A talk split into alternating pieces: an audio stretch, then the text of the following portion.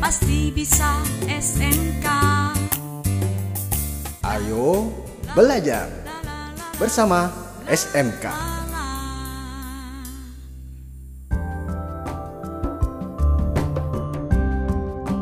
Good audiences, welcome back to the last segment. In this segment, we will listen to some dialogue discussing about giving direction. Let's listen to the dialogues and the explanation of giving direction. Then, be focused. Mr. Saleh, I think I need to find an ATM counter.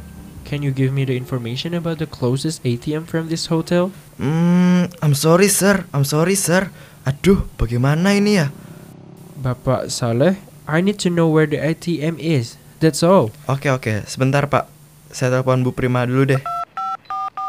Halo Bu Prima, maaf Bu, Mr. Thompson sepertinya membutuhkan sesuatu, tapi saya nggak ngerti. Mohon Ibu bantu saya ya. Oh, baik. Hello, Mr. Thompson. I heard that you need something. May I help you? Oh, hello, Miss Prima. Thank you for helping me. I just need to know where the closer ATM from here. I need to draw some money. But Mr. Saleh just say I am sorry again and again.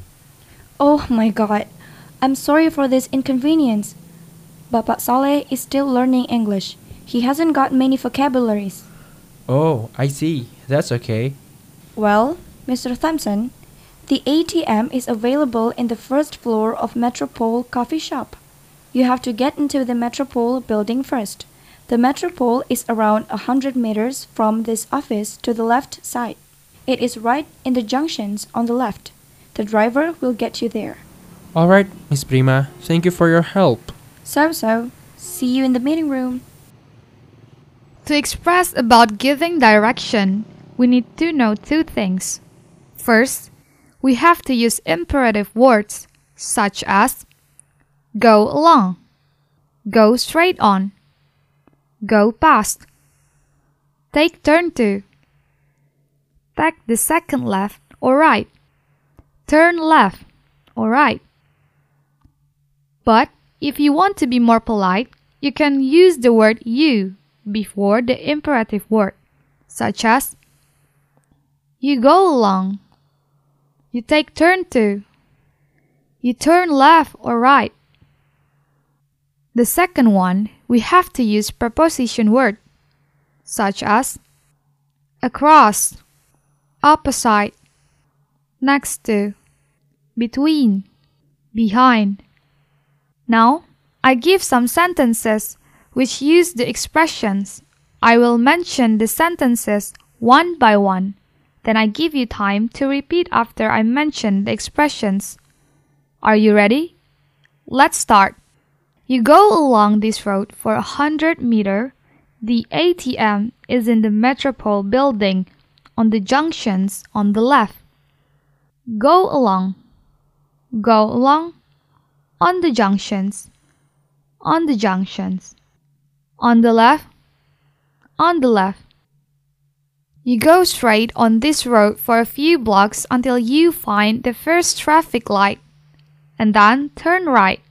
The cinema is across the cafe. Go straight on. Turn right.